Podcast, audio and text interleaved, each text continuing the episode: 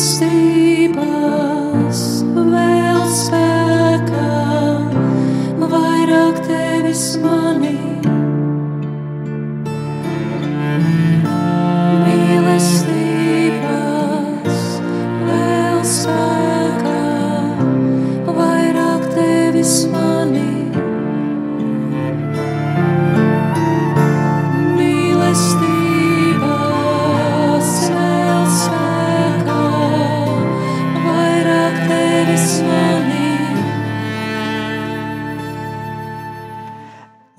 Slavēts Jēzus Kristus. Esiet sveicināti, mīļie radioklausītāji. Ir atkal laiks redzējumam, vairāk tevis manī, un ar jums kopā atkal esmu es, Sandra Prēsa. Eh, Kā jau esat piefiksējuši, šo, šogad eh, vismaz pagaidām visu redzējumu, tā var teikt, caurviju tēma ir dažādība. Un šovakar turpināsim runāt par morālu teoloģiju. Mēģināsim to definēt un saprast, vai ir iespējama viedokļu dažādība attiecībā uz morāli.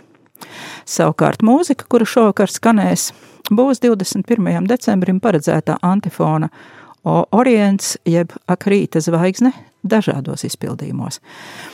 Atgādinu telefonu numuru studijā, ja nu pēkšņi vēlaties ar mani runāt redzējuma laikā, un varbūt vēlaties kaut ko klausītājiem pateikt ēterā. Tātad telefona numurs 67, 69, 131, 67, 969, 131.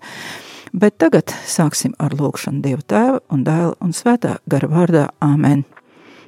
Mīļais tēvs, mēs nākam tavā priekšā un cenšamies eh, neko negaidīt, lai mēs varētu saņemt visu, ko tu mums vēlies dot nākamajā pusstundā vai 40 minūtēs, kuras skanēs raidījumā.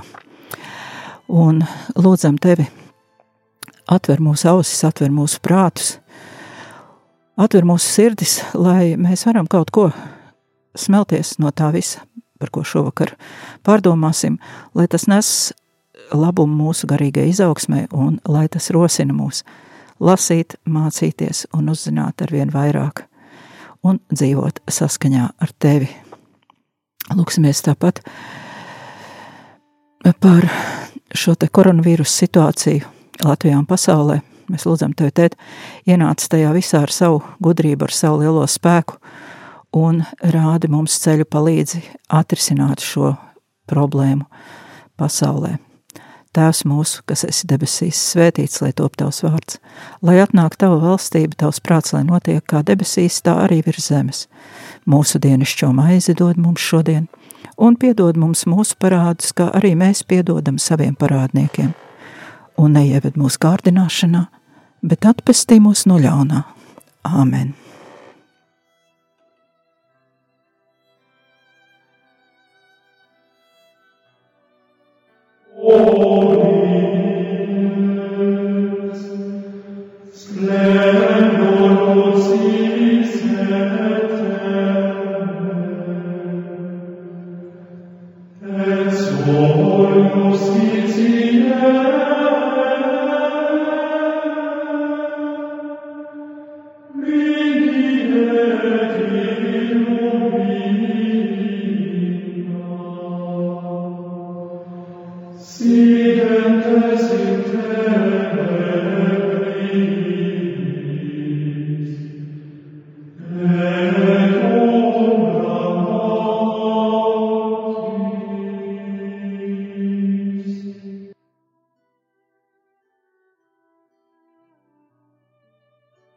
Skan raidījums vairāk tevis manī.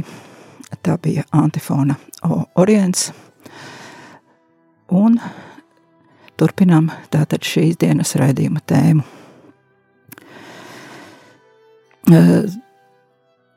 Iepriekšējā raidījumā es minēju dažus piemērus no aktualitātēm Latvijā.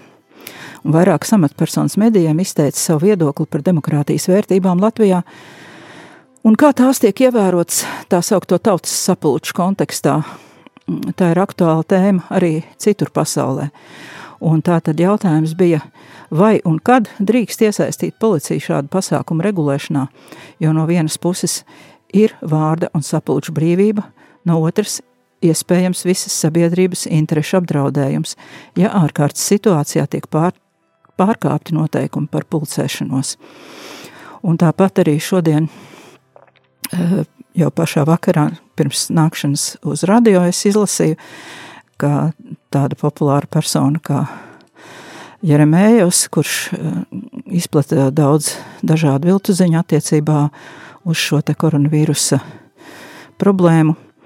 Viņš bija nonācis ieslodzījumā, un tagad par 50 tūkstošiem ir izpirkts no šā ieslodzījuma un brīvībā. Un, protams, arī tur parādījās dažādi viedokļi par to, vai viņi vispār drīkstēja sagūstīt, un citi, citi atkal jautā, kāpēc viņi palaida vaļā. Tātad tas viss ir brīvības jautājums, tas viss ir demokrātijas jautājums, un tas viss ir arī morāls un ētikas jautājums. Jo jebkurš lēmums, kuru mēs pieņemam, kaut kādā veidā, nu, faktiski vistiešākajā veidā, ir saistīts ar ētiku un morāli. Tas var būt morāls, un tas var būt arī, kā saka, amorāls. Demokrātiskajā sabiedrībā, kā nekur citur, aktuāls ir brīvības jautājums. Un par tās izpausmēm mēs jau esam runājuši iepriekš. Gan runājot par viedokļu brīvību, gan arī runājot par šiem senajiem, jau sen noformulētiem brīvības konceptiem, kas nāk no 13. un 14. gadsimta Kvīnas Toma un Viljama Okhama interpretācijām. Šodien paskatīsimies, vai zināšanas par morālu teoloģiju un morāli var mums palīdzēt orientēties sarežģītās situācijās šodien un tagad. Un ja var, tad kā? Lai to saprastu, mums mazliet ir jāsaprot, ko tad tā morāla teoloģija māca. Pagājušajā pirmdienā mēs jau noskaidrojām, ka Dominikāņu brālis Servē Teodors Pinkers apraksta morāla teoloģijas uzdevumu un lomu un to, ka morāla teoloģija balstās ētikā un to pilnveido, un ka nedrīkstētu būt, faktiski nedrīkst būt pretrunu starp ētiku un morāla teoloģiju. Autors saka, kad citus ir jāiepazīstina ar šo zinātni, ir loģiski balstīties uz definīciju. Taču tās atklāšana norisinās pilnīgi pretēji. Tikai pēc daudziem rūpīgi veiktiem pētījumiem, pēc iegūto rezultātu un izmantotās metodas analīzes var visprecīzāk formulēt definīciju. Tā tad nevis vispirms definīcija, un tad mēs mēģinām kaut ko tajā definīcijā iekļaut, bet no otras puses. Ja? Mūs nedrīkst iebiedēt arī tās grūtības, kādas pastāv starp dažādu morālistu, morāla teoloģijas formulējumiem. Tās mūs brīdina, ka šajā jomā nekas nav pats par sevi saprotams. Morāles darbības pamatu, principu un ierobežojumu atklāšana prasa padziļinātu analīzi. Morāli ir neviena lieta, kas parādās, ievērojot paklausību, tā prasa likt lietā mūsu prātu. Citāta beigas. Tātad jau šeit mēs redzam kādu daļu atbildes uz jautājumu par to, kā regulēt dažādu brīvību izmantošanu demokrātijā, ar ko es šodien iesāku. Tā tad paklausība likumam un reizē arī prāta lietošana. Spēja izsvērt, kas ir svarīgi sabiedrības kopīgajam labumam konkrētajā situācijā. Ja cilvēkiem, kuri nepraktizē ticību, galvenie ir ētiski morālie kritēriji attiecībā uz sevi un sabiedrību, pieņemot lēmumus, tad tiem, kuri ticību praktizē, ir svarīgi savu rīcību un situāciju sabiedrībā skatīt arī atklāsmes gaismā. Tas nozīmē, ka, ja man klausās cilvēki, kuri ticību nepraktizē, viņiem varbūt neliekas tik svarīgi, lai viņu darbi sakristu kaut kādā veidā ar to, ko Dievs atklāsmē ir parādījis cilvēkiem un atklājis. Savukārt tiem, kuri ticību praktizē vai vēlas praktizēt, būtu svarīgi zināt, eh, kādā veidā šīs ētikas un morāles normas ir vērtības, kuras viņi realizē savā dzīvē, kādā veidā tās eh, sasaucas ar šo atklāsmē doto dieva gudrību. Lūk, un eh, tādēļ zināšanas morāla teoloģijā kristiešiem tiešā veidā varētu palīdzēt saprast to, kas viņiem būtu jāsaprot – un palīdzēs pieņemt izsvērtus lēmumus dažādās dzīves situācijās, vienlaicīgi paliekot uzticīgiem tai pārliecībai un vērtībām, kuras paši sludina. Savukārt tiem, kas nav kristieši, ja man klausās kāds, kas varbūt nav tad, jebkurā gadījumā, šīs zināšanas ir labas, nu, kā saka, vispārējai erudīcijai, jo kristieši un nekristieši vienmēr ir dzīvojuši kopā un ir labi vienam otru pazīt no konkrētām zināšanām, nevis no kaut kādiem izdomājumiem vai tenkām. Un tāpēc tagad palūkosimies, tad, kas tad ir ar to morālu teoloģiju un vai tā ietver arī sevī kaut kādu viedokļu dažādību, jeb tā ir formulēta kā viens vienīgs likums Servē Pinkers, grāmatas autors, kur mēs izmantojam par pamatu šiem raidījumiem, saka tā: Noteikti morāles normas nav tikai pašu speciālistu privilēģija, jo mācītie un gudrie mēdz kļūdīties tur, kur vien tieši zina atbildi un zina, kā nonākt pie mērķa. Morāls šķiet ir tā zinātne, kur visciešāk vieno dažādus ļaudis. Lielos ar mazajiem, mācītos ar vienkāršajiem, kā arī zināšanas, kurās nevar iztikt bez citiem cilvēkiem, kurās viena cilvēka pieredzes augļi tiek bagātināti ar otru cilvēku pieredzi. Tādā veidā pienākums atklāt atbilstošu definīciju skar mūs visus. Tāpēc celsim gaismā un izanalizēsim dažas tipiskās morāla teoloģijas definīcijas, un dažos vārdos parādīsim, kā tās skar dažādas šīs zinātnes koncepcijas un sistematizācijas veidus.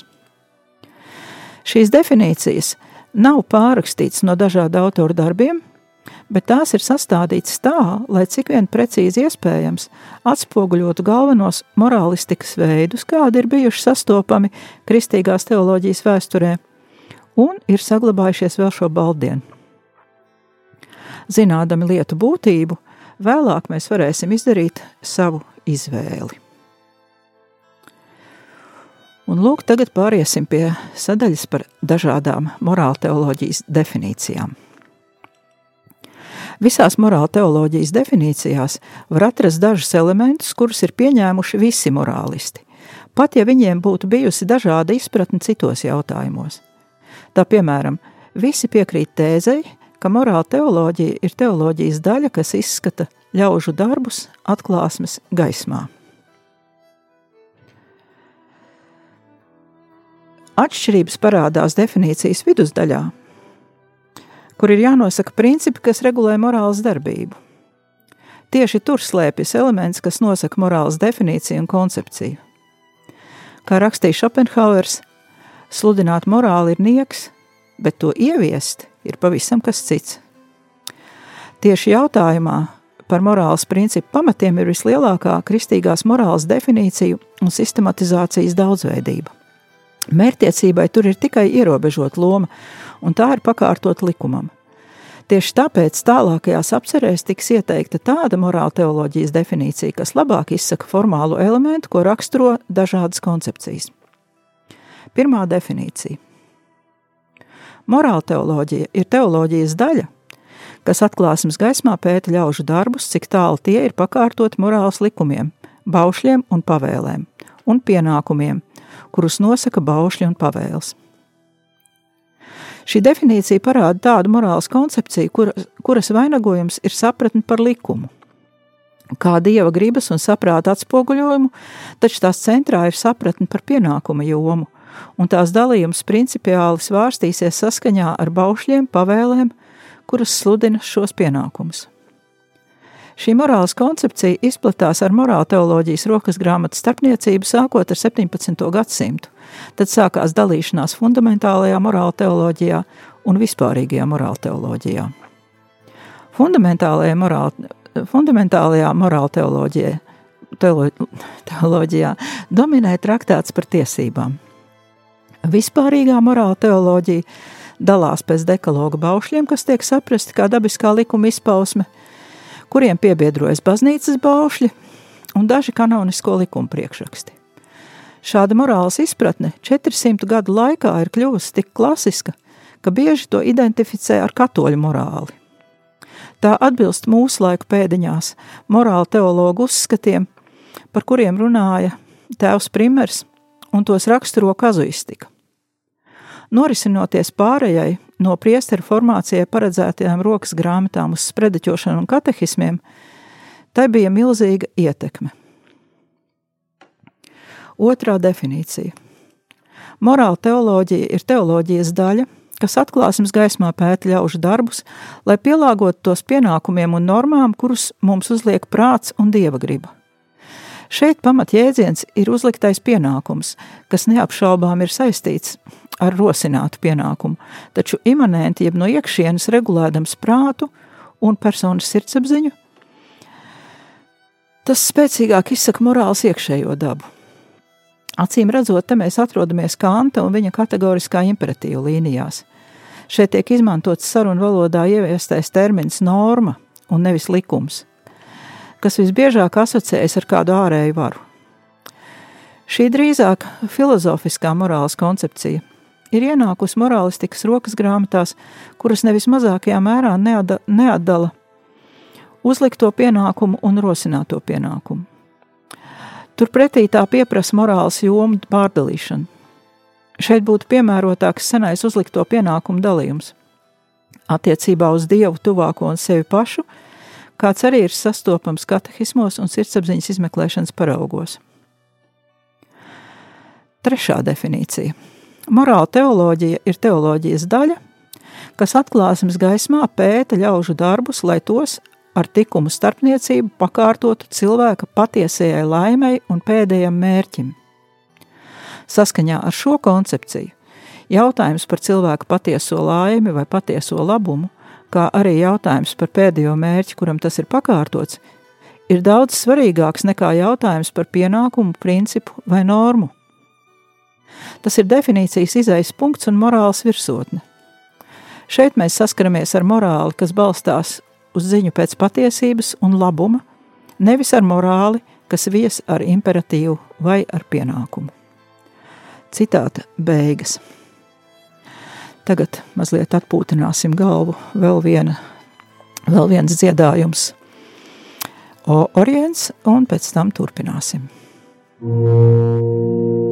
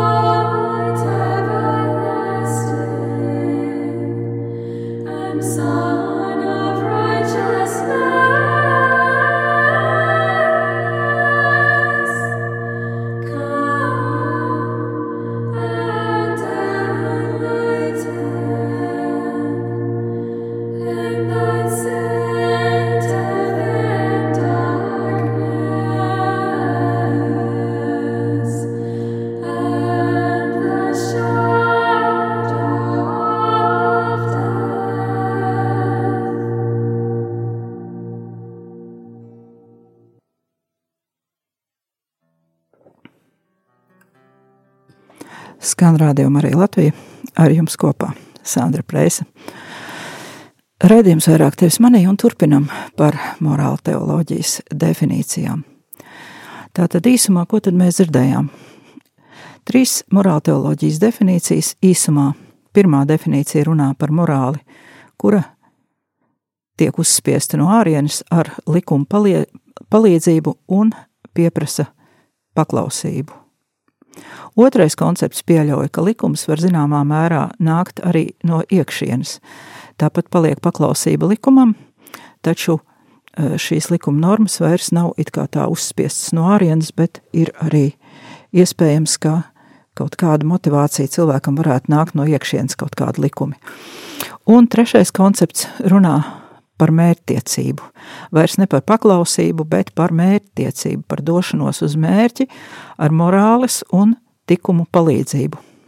Te nav nekā uzspiesta no ārpuses, bet gan iekšējā tieksme uz lielāko labumu, kuru cilvēks pats ir sapratis, apzinājies un seko.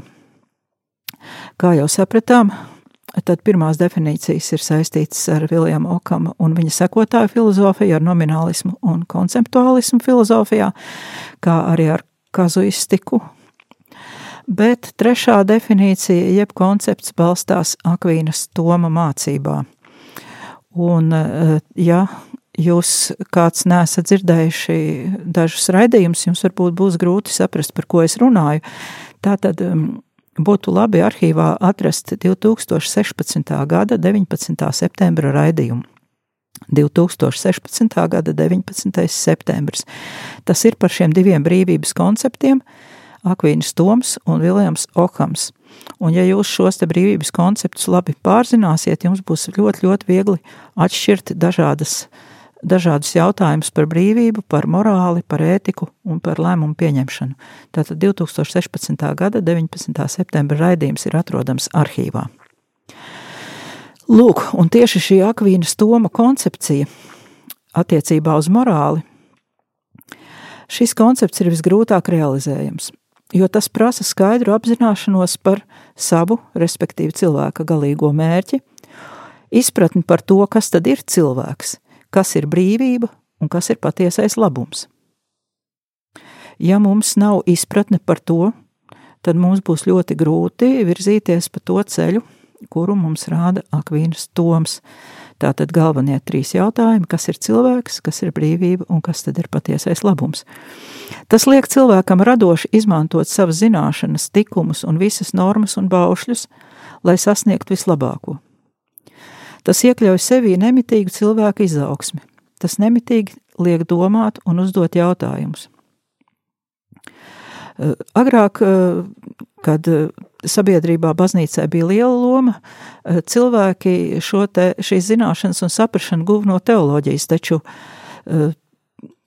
ņemot vērā to, ka cilvēki ļoti daudz vairs baznīcā neiet un teoloģiju nepārzina un nelūdzas un viņiem nav attiecība ar Dievu, eh, tad, eh, lai saglabātu šo cilvēcību attiecībās, eh, lai sabiedrību saglabātu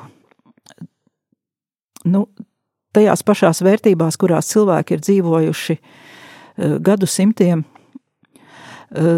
tika izstrādāts dokuments ANO cilvēku tiesību deklarācija un tajā ir formulētas galvenās vērtības, galvenās cilvēka tiesības, eh, jo, ja vairs nav reliģijas, kas to formulē, tā tad ir vajadzīgs kaut kāds cits dokuments, kurš formulētu eh, šīs te brīvības un tiesības. ANO cilvēku tiesību deklarācija ir ties, tiesības sarga mājaslapā pilnībā izlasām, tajā ir 30 punktu, tā nav gara, un es iesaku visiem ar to iepazīties jo tas ir dokuments, kurš šobrīd tur kopā sabiedrību līdzīgā izpratnē par cilvēku un cilvēku tiesībām, neatkarīgi no eh, cilvēku reliģiskās vai kaut kādas citas piedarības. Un šīs deklarācijas pirmais pants, ko saka, visi cilvēki piedzimst brīvi un vienlīdzīgi, cieņā un tiesībās. Viņiem ir dots saprāts un sirdsapziņa, un viņiem citam pret citu ir jāizturas brālības garā. Tātad šeit atslēgas vārdi ir saprāts un sirdsapziņa. Neviens ne otrs netiek iedoti gatavi. Tie ir jāaudzina un jāattīsta, lai veidot, veidotos sabiedrība, kurā tiešām tiek ievērotas šīs cilvēku tiesības. Un jau pats fakts, ka kaut kas tāds ir jāformulē kā likums, liecina, ka gan ar saprātu, gan ar sirdsapziņu cilvēkiem bieži vien ir kā ir. Ja saprāts un sirdsapziņa netiek vingrināti, cilvēku, parasti citu cilvēku tiesības, agri vai vēlu tiek pārkāptas. Morāla teoloģijas nozīme šajā tātad zināšanas palīdz attīstīt gan izpratni par tiesībām, un par pienākumiem, un arī par sirdsapziņu. Tātad, ko morāla teoloģija dod, tātad morāla teoloģijas zināšanas tiem, kas vēlas to mācīties, studēt un saprast, uh, Eh, veicina šī saprāta un sirdsapziņas attīstību, un tā tad veicina uh, iekļaušanos uh, šajā ANO cilvēku tiesību deklarācijas pirmajā pantā konceptā par cilvēku. Sevis attīstīšana un audzināšana, mēs noteikti visi to zinām, ir grūts uzdevums. Un tāpēc nav nekāds brīnums, ka gan valstī, gan sabiedrībā, gan ģimenē, gan arī baznīcā, jebkurā cilvēka kopienā, visvieglāk liekas, kārtību var ieviest, nosakot stingrus likumus un pienākumus, un sodus par šo likumu un pienākumu pārkāpšanu. Un šo versiju mēs dzirdējām arī pirmajās divās morāla teoloģijas definīcijās. Tātad morāla un ētika un kārtība ir iespējams ievērot, vienkārši izdodot likumus un to pieprasot to izpildīšanu. Un kāpēc? Jo tas dod ātrus rezultātus. Cilvēki paklausa aiz bailēm no soda, bet cilvēkiem nav iekšējas izaugsmas, ja neskaita visādas viltības par to, kā likums apiet. Šādu ģimenes vai sabiedrības modeli var salīdzināt ar siltu galertu, kurš turas kopā tikai trauciņā. Ja trauciņu noņem nost, tas zaudē formu un iztek. Šāds modelis tiek veidots valstīs, kurās valda diktatūra vai tā līdzīgs modelis. Un varam arī saprast un paskatīties uz mūsu sabiedrību, arī Latvijā, jo mēs esam bijušie postpadomju cilvēki, un arī mums Eh, svarīgi bija ievērot no ārpuses uzliktu šo likumdošanu. Mums bija no, kaut kādas tiesības šīs likumdošanas iet, ietveros, bet eh, to nevarēja saukt par brīvību, jo daudzas brīvības, arī reliģija brīvība, tā skaitā eh, bija tikai uz papīra. Tātad šāds modelis ir vienkāršākais. Tas mēdz būt valstīs, kurās valda diktatūra, Taču šāds audzināšanas modelis bieži vien ir ģimenēs, bet pie tā nevienmēr ir vainīga valsts iekārta, kura it kā māca šādi izturēties vienam pret otru, bet e, tas vienkāršais princips, ka tādā veidā var ļoti ātri panākt bērnu pakļaušanos. Taču, ja ģimenē bērns tiek audzināts tikai ar paklausību, ar likumiem, kuri tiek uzspiesti no ārienes, tad tādā veidā tika izaudzināti pilsoņi, kuri neprot rīkoties ar iegūto brīvību tad, kad ir pieauguši. Un viņi neprot to ne privātajā, ne sabiedriskajā dzīvē, un rezultātā brīvība tiek saprasta kā visu likumu atmešana un savas gribas vai savu iegribu padarīšana par likumu. Un šeit jau sāk šķilties nākamā atbilde uz jautājumiem par, brīv, par brīvībām demokrātijā no vienas puses un likuma pildīšanas pienākumu no otras un tāpat arī par policijas nozīmi kārtības uzturēšanā. Tagad atgriezīsimies pie cilvēktiesību deklarācijas. Visu nelasīšu, bet dažus pantus vēl. Tātad astotais pants saka, ka katram cilvēkam ir tiesības uz efektīviem tiesiskās aizsardzības līdzekļiem, kompetentā valsts tiesā gadījumos, kad ir pārkāptas viņa pamattiesības, kas noteiktas konstitūcijā vai likumā. 12. pāns nedrīkst patvaļīgi pārkāpt neviena cilvēka privātās dzīves, ģimenes mājokļa korespondences neaizskaramību, ne arī apdraudēt viņa godu un reputāciju. Katram cilvēkam ir tiesības uz likuma aizsardzību pret šādiem pārkāpumiem vai apdraudējumiem. Redziet, ja cilvēku sirdsapziņa un saprāts būtu labi attīstīts, un tas būtu attīstīts labi visiem pilsoņiem, tad šādas tiesības, pašsaprotamas tiesības, nebūtu jāliek kā likums. Bet, kā redzam, likumi tikai apstiprina, likumu izdošana apstiprina to, kā mums trūkst, un kas nav visiem cilvēkiem pašsaprotami. Un tā tad cilvēkiem, cilvēku tiesībās ietilpst gan viņu aizstāvēšana, likumība, gā ceļā, gan arī uh, viņi nekādā gadījumā nedrīkst būt apdraudēti, arī nedrīkst būt apdraudēts viņa cilvēka gods un reputācija. Un, ja mēs uh, kādreiz ieejam internetā un redzam komentārus vai, vai ziņās paklausamies, kā tiek draudēts valdības locekļiem, kā tiek cilvēki apmeloti kā tiek grauta cilvēku reputācija medijos ļoti bieži, mm, tad mēs arī redzam tikai to, kā ar šo saprātu un sirdsapziņu, ko deklarē eh, cilvēku deklarācijas pirmais pants, nu, kaut kā īsti laikam nav kārtībā. Tāpat cilvēku tiesību deklarācija nosaka arī to, ka katram cilvēkam, tas ir 18. pants, katram cilvēkam ir tiesības uz domas, apziņas, reliģiskās pārliecības brīvību. Šīs tiesības ietver mainīt savu reliģisko pārliecību vai uzskats, kā arī brīvību gan vienatnē, gan arī kopā ar citiem publiski vai privāti paust savu reliģisko pārliecību vai uzskatus, sludinot tos, piedaloties reliģiskās ceremonijās un rituālos. Es domāju, ka būs arī cilvēki, kuri ir pamanījuši ka arī šis pāns faktiski sabiedrībā tiek pārkāpts. Tas, protams, to nedara valsts pati, bet ļoti daudz cilvēku sabiedrībā nicinoši izturās un mēģina kaut kādā veidā atšķirīgu uzskatu cilvēkus ierobežot. Un 19. pāns katram cilvēkam ir tiesības uz pārliecības brīvību un tiesības brīvi paust savus uzskatus. Šīs tiesības ietver brīvību netraucēt palikt pie saviem uzskatiem un brīvību meklēt, saņemt un izplatīt informāciju un idejas ar jebkuriem līdzekļiem, neatkarīgi no valstu robežām.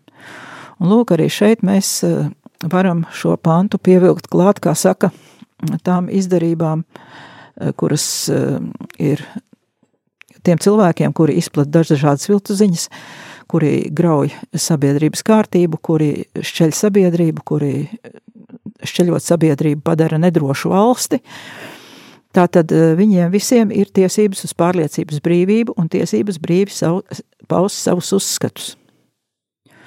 Un tiesības netraucēt palikt pie šiem uzskatiem. Bet tagad mēs nonākam pie 29. panta. Katram cilvēkam ir pienākumi pret sabiedrību, jo tikai tajā ir iespējama viņa personības brīva un pilnīga attīstība. Īstenojot savas tiesības un brīvības, katram cilvēkam ir jāpakļaujas tikai tiem ierobežojumiem, kas noteikti likumā un kuru vienīgais mērķis ir pienācīgi atzīt un cienīt citu cilvēku tiesības un brīvības, kā arī apmierināt morāles, sabiedriskās kārtības un vispārējās labklājības un taisnīgās prasības demokrātiskā sabiedrībā. Un lūk, šie panti mums dod arī, nu, zināmā mērā atbildi par to, ka brīvība tomēr nav visatļautība, ka cilvēkam tomēr ir pienākumi pret sabiedrību, un ka cilvēkam ir jāievēro ierobežojumi, eh, kuri, kuru mērķis ir pienācīgi atzīt un cienīt citu cilvēku tiesības un brīvības. Un tā tad, eh, lai arī mēs ļoti, ļoti daudz runājam par brīvībām, tomēr ir kaut kādi pienākumi, kuri sabiedrībā pastāv neatkarīgi no tā, eh, kā mēs, mums ir ļoti liels brīvības dotas. Noslēdzošais pāns runā 30. pāns cilvēktiesību deklarācijā saka tā. Neko šajā deklarācijā nedrīkst interpretēt tādējādi, lai kādai valstī, personu grupai vai atsevišķām personām būtu tiesības īstenot tādu darbību vai rīcību, kuras mērķis ir iznīcināt šajā deklarācijā izklāstītās tiesības un brīvības. Jā, tā tad visu dokumentu var izlasīt internetā. Tiesības sarga mājaslapā viņš ir latviešu valodā, taču par interpretācijām runājot, labāk būtu pašiem neinterpretēt to, bet eh, skatīties juristu interpretācijas. Jo, kā jau saprotam, viena lieta ir likums, un pavisam cita lieta ir šī likuma īstenošana dzīvē. Un, ja mēs runājam par to, ka cilvēki piedzimst brīvi un ka viņiem ir dots saprāts un sirdsapziņa, tad saprāts un sirdsapziņa jau ir tādas lietas, kuras ir ļoti grūti izmērīt, ļoti grūti kaut kādā veidā noteikt no malas, eh, taču kuras ir ārkārtīgi svarīgas arī tajā, tad, kad mēs interpretējam likumus. Un jo cilvēkam ir, piedodiet, mazāk prāta un eh, vājāk attīstīta sirdsapziņa, jo viņa interpretācijas personīgās būs eh, ļoti tālu no tā, kāds ir šīs cilvēktiesību deklarācijas gars. Un lūk, šeit arī parādās demokrātijas lielākie riski un vājums. Ja sabiedrībā ir ļoti liels daudzums cilvēku ar neaudzinātu prātu un sirdsapziņu, kuri atsakās ievērot likumus, kuru vienīgais mērķis ir pienācīgi atzīt un cienīt citu cilvēku tiesības un brīvības, kā arī apmierināt morāles, sabiedriskās kārtības un vispārējās labklājības taisnīgās prasības demokrātiskā sabiedrībā. Tas bija citāts no cilvēktiesību deklarācijas. Tātad šādā situācijā, kurā mums ir pārāk daudz cilvēku ar neaudzinātu prātu un sirdsapziņu, rodas milzīgs kārdinājums ar varu piespiest šos likumus pildīt. Bet tur, kur parādās vardarbība, tur ir riski pāriet no demokrātijas uz citu varas formu, uz diktatūru. Tur ir riski zaudēt brīvības, kuras nosaka deklarācija un kuras nosaka arī jebkuras demokrātiskas valsts konstitūcija. Un e, tas ir tāds ļoti grūts jautājums, kur tad demokrātiskajā sabiedrībā, kura tik ļoti runā par saprātu, par zinātni, par sirdsapziņu, par brīvību, kur tad rodas tie cilvēki ar neaudzinātu prātu un sirdsapziņu, kuri neievēro šos likumus, kuru mērķis ir cienīt citu cilvēku tiesības un brīvības, kā arī apmierināt morāles, sabiedriskās kārtības un vispārējās labklājības taisnīgās prasības. Patiesa demokrātija ir ļoti grūta, jo tā nenozīmē likumu nēsamību vai nepildīšanu, jo tad tā būtu anarhija. Demokrātija savā labākajā formā prasa no cilvēka milzīgu briedumu, atbildības uzņemšanos par savu rīcību un tās sekām, atbildību sabiedrības priekšā un līdzatbildību par sabiedrību, solidaritāti un daudzu iekšēju likumu ievērošanu. Precīzāk, Demokrātijā cilvēkam vajadzētu būt stiprai iekšējai vērtību sistēmai, kura ir kā iekšējs likums un palīdz pieņemt labākos lēmumus katrā situācijā. Tādi cilvēki tad ir spējīgi noteikt likumus arī sabiedrībā, kurā dzīvo, un ievērot tos paši un gaidīt, ka šos likumus ievēros arī citi. Bet, ja atkal atkāpjamies privātajā spē, sfērā pie ģimenēm, tad nereti mēs brīnamies, redzot, ka bērni no tās augtajām labajām ģimenēm izdara noziegumus, vai arī ka bērni no ticīgām ģimenēm negrib iet uz baznīcu. Es domāju, ka katrs ir vai nu savā dzīvē saskāries ar to, vai kādu, kā, kaut kur pazīstamu cilvēku vidē, noteikti ir bijuši šādi piemēri. Un šeit darbojas tieši tas pats princips šis te paklausības un likuma princips, tāda likuma princips, kas ir uzspiests no ārienes. Ja mēs runājam par baznīcu, bērns gāja aiz paklausības uz baznīcu kopā ar vecākiem, ar vecmāmiņu, ar, ar mammu, ar tēti, bet nesaprata, kāpēc viņš uz turieni iet. Arī tagad mēs redzam bērnus, kuri baznīcā spēlējas ar mašīnītēm, skrien spēlē sunīšus, visu kaut ko dara, un vispār nesaprot, uz kurien viņi ir atvesti lai gan vecāki ir kā ticīgi un nāk uz baznīcu un arī bērns ved. Un bērns paklausīgi gāja līdzi, bet viņš izauga un pajautāja sev, kāpēc? Kāpēc? Un atbildes nebija. Nu, un tad kāpēc iet uz baznīcu? Un tā ir ar jebko.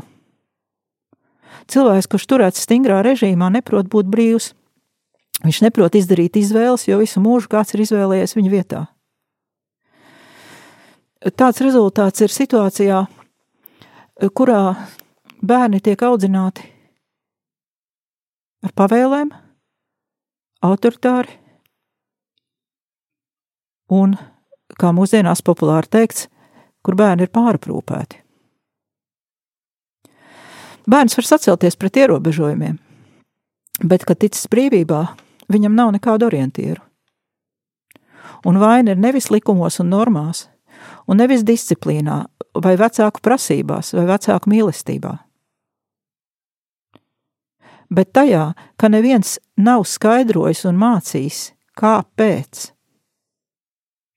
To pašu mēs redzam arī situācijā, kurā cilvēki ir gatavi noticēt visdažādākajām sazvērstībām, ka tie nespēja atšķirt eksperts no muļķību runātājiem, ka cilvēki ienīst likumus, policiju un nodokļu sistēmu, un vēl citas lietas, kuras ir sabiedrībā svarīgas.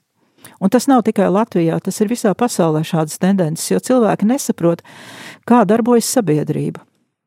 Jebkurš likums principā tiek uzskatīts tikai un vienīgi par ļaunumu, no kura vajag atbrīvoties. Bet nav jau ko likt vietā. Nav dziļas izpratnes par to, kā darbojas ģimene, valsts, sabiedrība kopumā. Šobrīd vēlme atbrīvoties no likuma cilvēkiem liek atteikties no sava dabas dotā ķermeņa. Cilvēks atceļas nevien pret sabiedrības, bet arī pret dabas likumiem. Paklausība ilgus gadus ir gājusi pa priekšu izpratnei, pa priekšu izglītošanai, jo tā ir vieglāk. Ir izveidojusies izpratne par likumu kā par važām, bet patiesībā tam vajadzētu būt kā norādījuma zīmēm uz ceļa. Ja autobraucējiem zīme priekšā saka aiza vai strauji pagrieziens, tu jau vari ne negriezties. Tu vari braukt taisnu un iebraukt aizā, bet vai vajag? Ja cilvēkiem kopš bērnības jau ģimenē šādā veidā tiktu skaidrota likuma un prasības, kas zina, kādā sabiedrībā mēs tagad dzīvotu? Gadu simtiem ir kultivēta paklausība bez skaidrošanas un pietiekamas cilvēku izglītošanas, un lūk, ir rezultāts. Protams, ka šo situāciju izmanto arī dažādi politiķi, kuri sadumpojušos likuma pretiniekus pievilina ar iespēju noteikt pašiem savus likumus un ar varu tiem pakļaut pārējos. Jo neko citu kā pakļaušanos likumam vai citu cilvēku pakļaušanu šādi cilvēki nesaprot. Un, diemžēl, arī baznīca, kā jau cilvēku kopiena, ir izvēlējusies vieglāko ceļu - dot cilvēkiem likumus un norādījumus, nevis skaidrot un mācīt domāt. Tāpēc arī baznīcas ir tukšas, jo cilvēki nesaprot, kāpēc to vajag. Bet piespiest nevienu vairs nevar, bērni ir izauguši. Tādā veidā tie, kuri ir gribējuši stingru kārtību, ātri un ar minimālu piepūli, tagad strēbi pašievārīto putru. Demokrātija ir visas iespējas pāriet briesmīgā totalitārismā, jo cilvēki negrib akli pakļauties tam, ko nesaprot. Par vieglākā ceļa izvēli ir dārgi jāmaksā. Trauciņš ir noņemts, galērts izticējis pa visu grīdu. Un kā to tagad savākt? Kāpēc? Ir cilvēces galvenais jautājums. Ar to tad arī beigsim. Un kāpēc patiešām ir cilvēks galvenais jautājums? Un rosinu jums pašiem sev pēc iespējas biežāk uzdot jautājumu, kāpēc? Kāpēc es to daru? Kāpēc es to saprotu tā? Kāpēc, kāpēc, kāpēc? Tas ir vissarežģītākais jautājums, mūžīgais jautājums un faktiski visauglīgākais jautājums, ja mēs vēlamies savu personīgo un attiecīgi arī sabiedrības, savas ģimenes un to cilvēku, ar kuriem mēs esam kopā izaugsmi. Tātad jautājums, kāpēc? Ar to arī es šovakar beigšu. Tas bija raidījums vairāk tevis manī un Sandra Preisa.